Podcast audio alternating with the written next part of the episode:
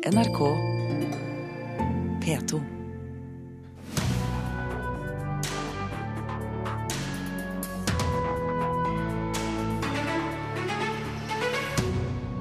Yrkesfagelever får mindre dagslys enn andre elever. Arkitekturen bekrefter fagenes lave status, mener forskeren bak funnene. Vi vil være de første som spiller på Bataclan når det åpner igjen, sier bandet som sto på scenen under terrorangrepet i Paris. Konspirasjonsteorier om nettopp terrorangrepet spres på internett. En fri presse er den beste motgiften mot konspirasjonsteoriene, sier Jyllandspostens tidligere kulturredaktør Flemming Rose.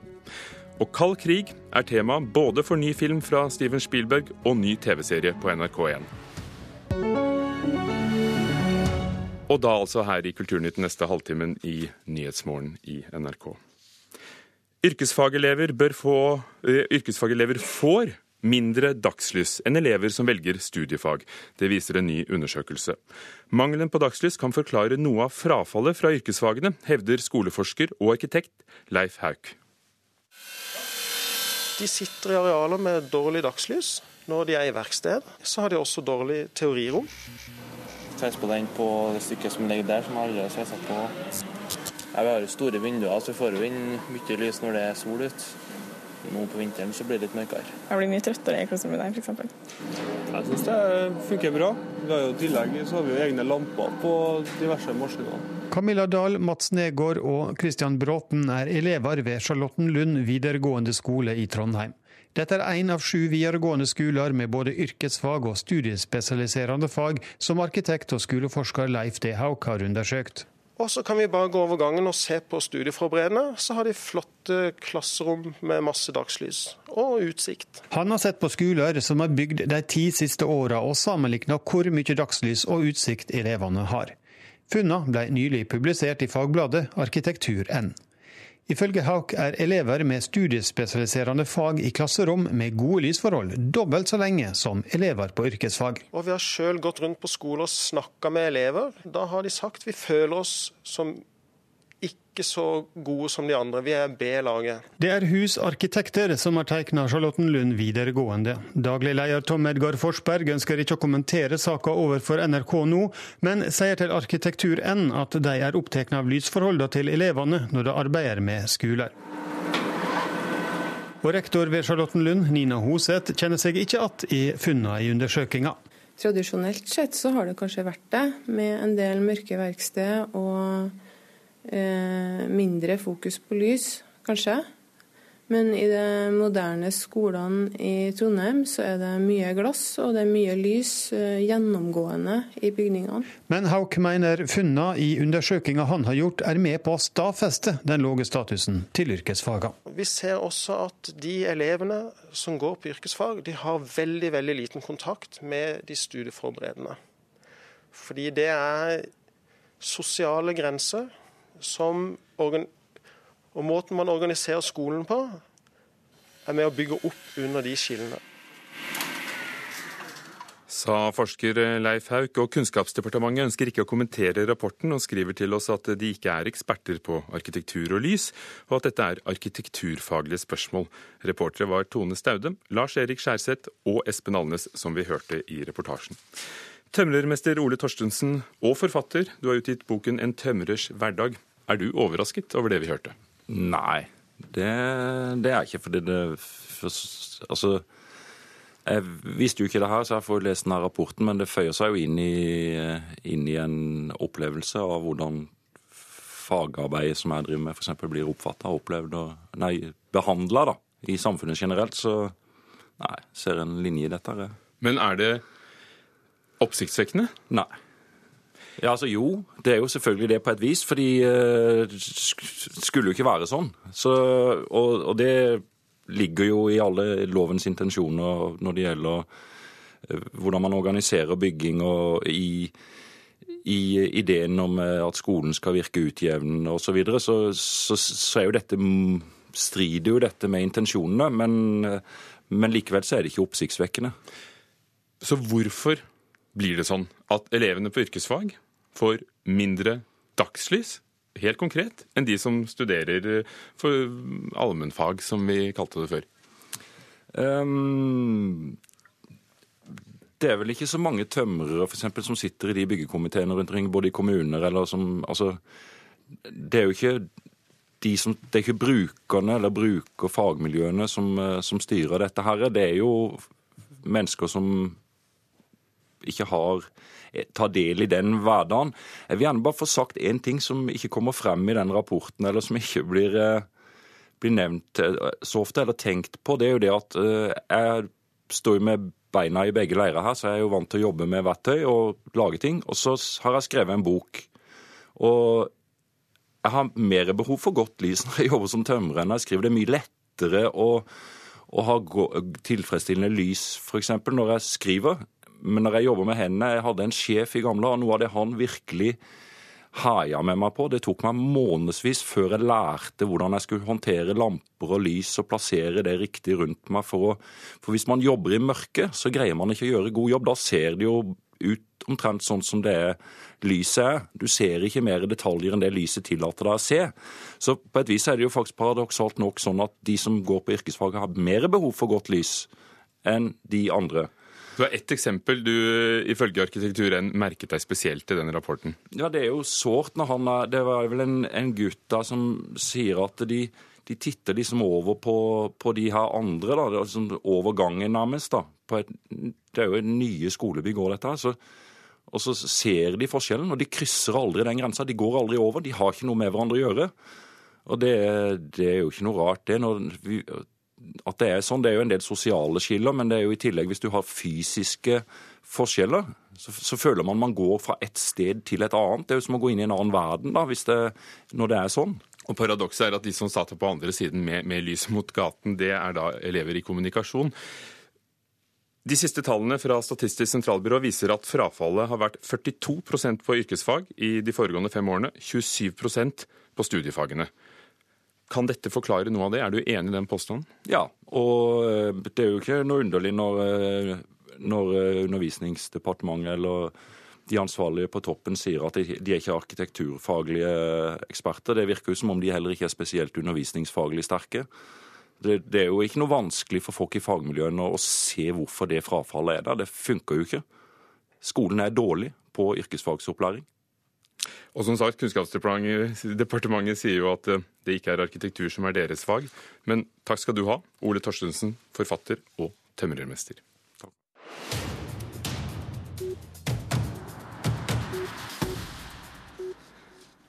Bandet Eagles of Death Metal ønsker å være de første som spiller igjen når konsertstedet Bataclan åpner dørene igjen i Paris. Det var eh, disse som sto på scenen da 89 mennesker ble drept da terroristene stormet inn og begynte å skyte folk fredag 13.11.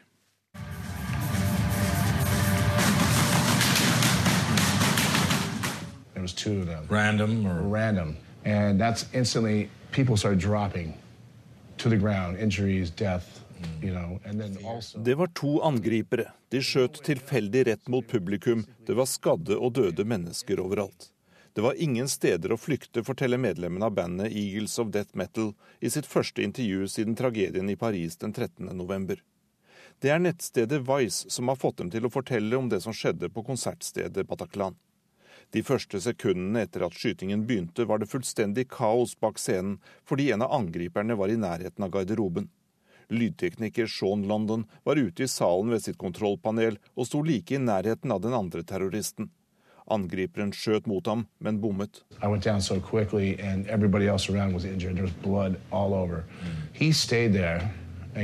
to shoot and shoot and slaughter and just, just scream the top of his lungs, Allah Akbar. Mm.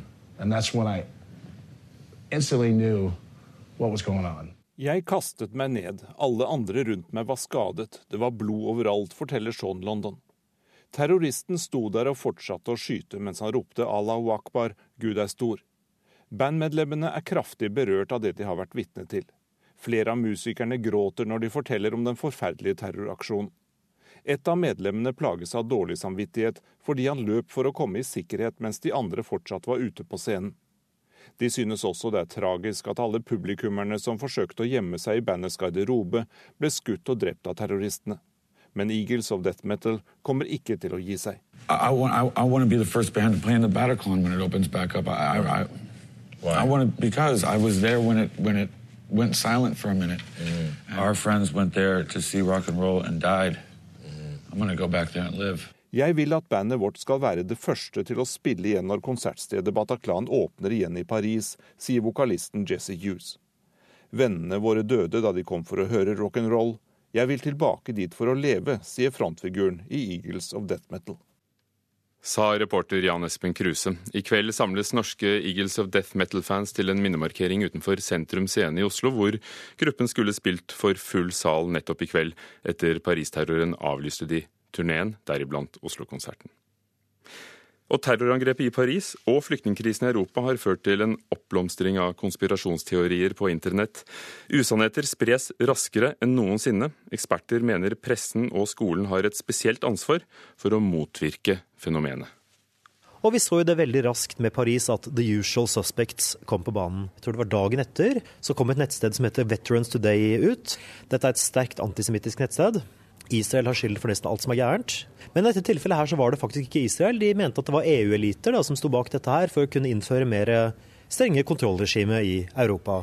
Sier Jon Færseth, medieviter som i flere år har studert utbredelsen av konspirasjonsteorier.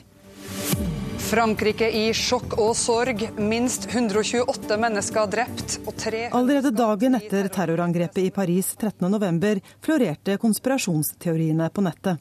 Dette er jo dessverre et ganske stort miljø av mennesker som liker å se alt som skjer inn i en såkalt falsk flagg-kontekst. ikke sant? Man tenker seg at dette er noe myndighetene selv eller andre har satt i gang for å få en unnskyldning til å gripe inn i Midtøsten eller til å innføre mer kontrollmyndigheter. Ikke sant? Malen her er jo 9-11. 11.9. Om man på en måte bruker det, så tolker man nye hendelser inn i dette. Færseth er nå i Stavanger, der Kverulantkatedralen KK, som den heter, har temadager om konspirasjonsteorier denne uka.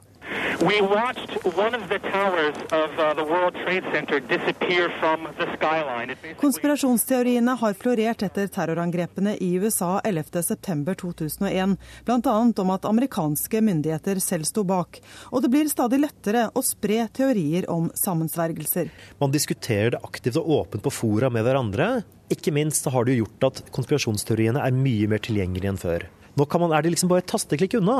Og mange av nettstedene ser egentlig såpass bra ut at de får en person som ikke er veldig veldig flink til å vurdere livet kildekritikk, så kan det virke like bra som en hvilken som helst annen nyhetskilde. Betyr det at uh, disse konspirasjonsseriene da får lettere, et sterkere fotfeste nå enn før? Det tror jeg absolutt de får. Jeg mener også at man kanskje i større grad bør ta det på alvor som fenomen. Øh, selvfølgelig er internettet et fantastisk verktøy, men det er også en stor skraldespand, øh, hvor man, hvor man kan finne hva som helst. Og På den måten så vil det leve videre. Sier Flemming Rose, den avtroppende redaktøren for Jyllandsposten i Danmark, som for ti år siden tok avgjørelsen om å trykke karikaturer av profeten Mohammed, noe som igjen utløste kraftige opptøyer. Nå er han i Stavanger under streng politibeskyttelse. Det er jo nettopp fordi der er så stor tilgang, øh, eller så, så lett tilgang til informasjoner, at konspirasjonsteorier måske trives endnu mer. Fordi mange av de informasjoner der bringes til torv, bringes videre ukritisk og uten noen som helst form for kildekritikk. Rose har sett at også flyktningkrisen i Europa har utløst konspirasjonsteorier. Men det er jo folk som, som rent faktisk mener at det er en sammensværgelse for å underminere Europa. Men jeg vil si at den beste måte å øh, håndtere konspirasjonsteorier på, det er jo ved hjelp av åpenhet og transparens. Den måte som sammensværgelse best blir håndteret på, det er ved at du har en fri presse. Det er også et anliggende for, for utdannelsessystemet. Nettopp fordi det er i virkeligheten noe dypt menneskelig, fordi det ligger psykologisk i det her med at vi gjerne vil skape en forbindelse øh, mellom årsak og virkning. Og det som kommer bag på oss alle sammen, det er at øh, ofte meget, meget store begivenheter i virkeligheten ofte kan, være et resultat av tilfeldigheter, og ikke av en stor plan. Sa tidligere redaktør i Jyllandsposten Flemming Rose til reporter Anette Johansen Espeland. Klokken er 17 minutter over åtte. Du hører på Nyhetsmorgen i NRK. Menneskesmuglere lokker til seg kunder på Facebook. Mange annonserer på internett for å arrangerte turer til Norge. I dag innfører Norge strengere grensekontroll for å få bedre kontroll med asylsøkere som ankommer landet.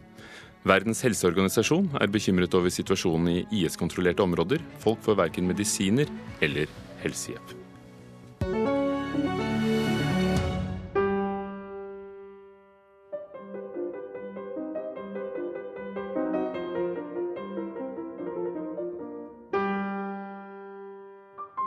Leif Ove Ansnes spiller Schubert her på plate, men i august neste år sammen med andre kjente musikere i Baroniet Rosendal i Kvinnherad i Hordaland.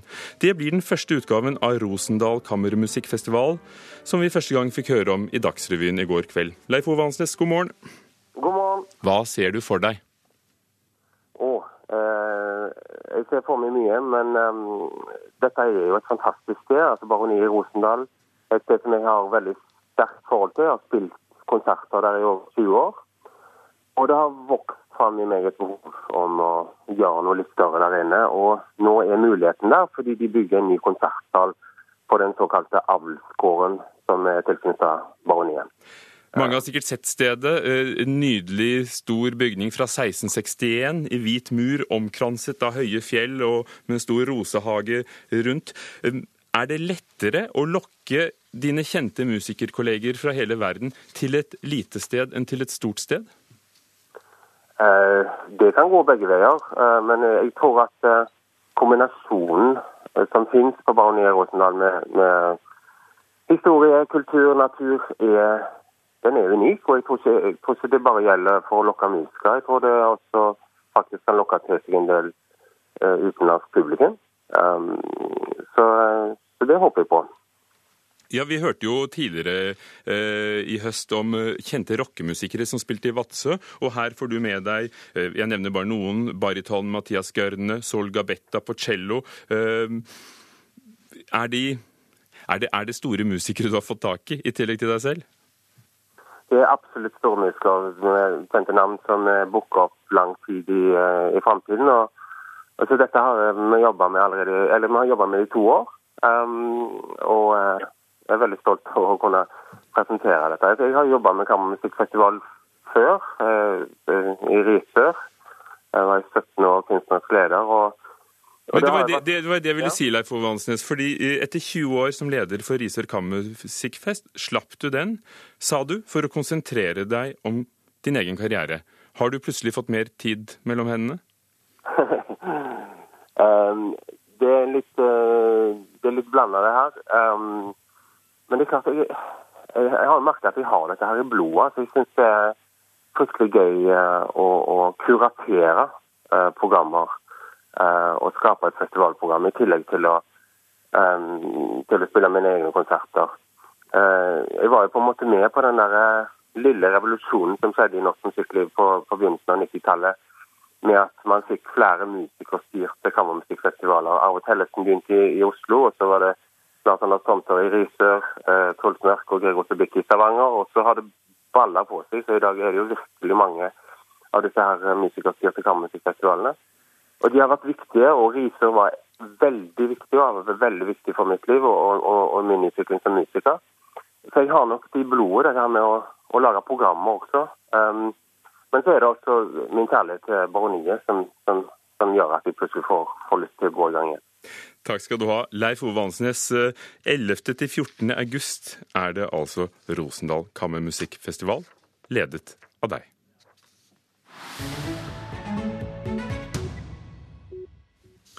En historie om spioner, politisk maktspill, militærtaktikk og brutale konsekvenser av den kalde krigen åpner på TV. Får premiere søndag kveld på NRK1 fra den tiden da Ronald Reagan styrte halve verden. Yes, let us pray for the salvation of all of those who live in that totalitarian darkness. Glaubst du, das ist ein Spiel hier? Du kannst doch nicht einfach wegrennen. Ich will einfach nur nach Hause, klar? Wir wollen alle nach Hause. Aber irgendwer muss sich doch darum kümmern, dass es überhaupt eine DDR gibt, in die wir nach Hause zurückkehren können. Søndag har serien Tyskland 83 premiere på NRK1, omtrent samtidig som den får premiere i Tyskland. Det er en historie om Øst- og Vest-Tyskland, kald krig og spioner fra 80-tallet. Robin Allers, historiker og forsker ved Institutt for forsvarsstudier. Du har fått se hele serien. Ser du det som et portrett ikke bare av den kalde krigen, men også av en tid? Ja, dette er en uh, for det første en veldig godt og spennende eh, fortalt spiondrama. Og så er det selvfølgelig også en skildring av den mest spennende fasen i den, i den kalde krigen. En av de spen mest spennende fasene i den kalde krigen. Og så er det et, eh, ikke minst en gjenskapning av de to Tyskland, det delte Tyskland på tidlig 80-tallet. Så et portrett av den tiden. Så det var spennende og morsomt å se. Det var jo en tid du selv vokste opp i Vest-Tyskland. Nå er du ekspert eh, på kald krig, og, og, nettopp denne epoken gir den et riktig bilde, både som du vet det, og, både, og som du husker det. Ja, nå var jeg 13 i 83, og kanskje mer opptatt av hvordan Hamburger Sportverein gjorde det i uh, mester, mesterliga. Men uh, den skildrer jo godt f.eks. popkulturen, uh, fredsbevegelsen, de motsetningene av, av, samfunnet. Og selvfølgelig også den spenning og den anspente tiden på sikkerhetspolitisk, geopolitisk nivå. Frykten for atomkrig var veldig til stede. og det Eh, kommer tidlig fram i, i, den serien. Og den vekker mange minner, ikke minst musikken, eh, Neue Deutsche Welle, eh, popkulturen. Så det er, det er, mange ting. Jeg nesten hadde glemt Bagwan-sekten, som, som også dukker opp. Ting fra 80-tallet som man husker godt. Det er ganske nytt at denne tiden tematiseres på tysk TV? Ja, så vidt jeg vet. Og det, det, som er spesielt, er jo at den uh, skildres uh, fra perspektivet til en østtysk spion i Vest-Tyskland, så det er en uh, interessant vri. Og at den serien prøver å dekker også det som skjer på en ganske nyansert måte i Øst-Tyskland. Så det er mye som vi ikke visste om, vi ikke kjente til. Å sette opp samfunnet i Øst-Tyskland og hvordan folk levde, og det mot, mot det vestiske, det vestiske kommunistiske samfunnet, det er, det er, spennende. Det er morsomt. Og serien har fått veldig god kritikker i USA, hvor den allerede har vært vist. Vi følger den unge Martin Rauch, som da rekrutteres fra DDR til å infiltrere en, en vesttysk militærbase. Var spionene like hensynsløse og aktive på begge sider?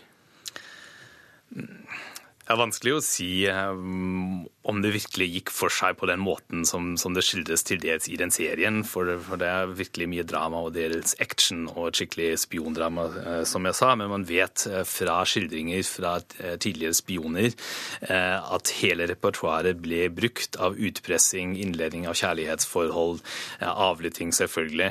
Så det er ikke vanskelig å forestille seg at det faktisk ble ganske, brukt ganske hensynsløse metoder. Hvilken rolle spilte spionene under den kalde krigen? Spionene var svært viktig, for det var eh, frykt på begge sider, og spesielt nesten paranoia. Man snakka om war scare i, eh, på russisk side. Så det ble innledet en omfattende spionaksjon mot Vesten for å finne ut om Vesten planla et atomangrep mot, eh, mot Russland, mot Øst-Europa, og det er det som har bakgrunnen for, for denne serien. Så det er ganske realistisk? Det er realistisk. Eh, Østtyskerne hadde flere spioner inn i Natos hovedkvarter eh, som skulle fortelle om å, levere planene til Nato. Takk skal du ha, Robin Allers fra Institutt for eh, forsvarsstudier. Tyskland 83 har premiere på søndag. Kald krig og spioner er fortsatt tema når vi anmelder ukens premierefilm 'Bridges of Spy' av Steven Spielberg. Einar Gullvåg Staalesen har sett den. Steven Spielberg er 69 år om en måned og fremdeles i sin beste alder som filmskaper, men han er ingen fornyer av thrilleren, ikke i Bridge of Spice. Det er noen element i handlingsgangen som er originale, altså hittil ubrukte, men måten å fortelle på er konvensjonell.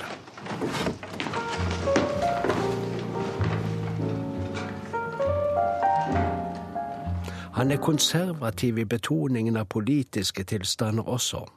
Kommunister er litt mindre smarte og litt mer brutale enn amerikanerne.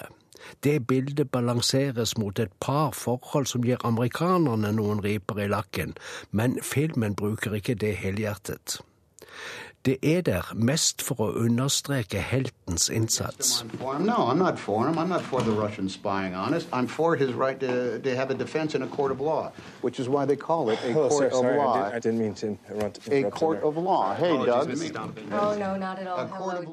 Helten er forsvarsadvokat i datidens store spionsak. Vi er på 60-tallet. Berlinmuren er under bygging. Det er kald krig, og USA og Sovjetsamveldet er ikke ukjent med utveksling av spioner på en bro i Berlin. USA har fengslet en engelskmann som trolig ikke er engelsk, men russisk, og som i hvert fall skal ha spionert for russerne. Noen i Advokatforeningen mener det er viktig nå å gi spionen en forsvarer med renommé, slik at man kan vise verden hvor skikkelig det amerikanske rettsvesenet er. Derfor utpeker de en erfaren advokat som allerede er godt synlig i samfunnet. Of course, I salute you. We all salute you for taking on a thankless task. This man has to have due process, but let's not kid each other. He'll receive a capable defense, and God willing, he'll be convicted. Come on, counselor. Nå er ikke rettsapparatet fantastisk. Dommeren gjør seg selv inhabil fra første setning. Men forsvareren insisterer ikke på å bytte ham ut. Han vil heller påvirke den patriotiske og pragmatiske dommeren som er der. Og det gjør han også, selv med kveldsbesøk. Han sier en henrettet spion er ikke noe verd. En spion som er dømt til fengsel, kan ha stor verdi som utvekslingsobjekt. USA trenger en som kan byttes mot en amerikansk U-2-flyver, som ble skutt ned over russisk land, og som overlevde og ble fengslet og straffedømt.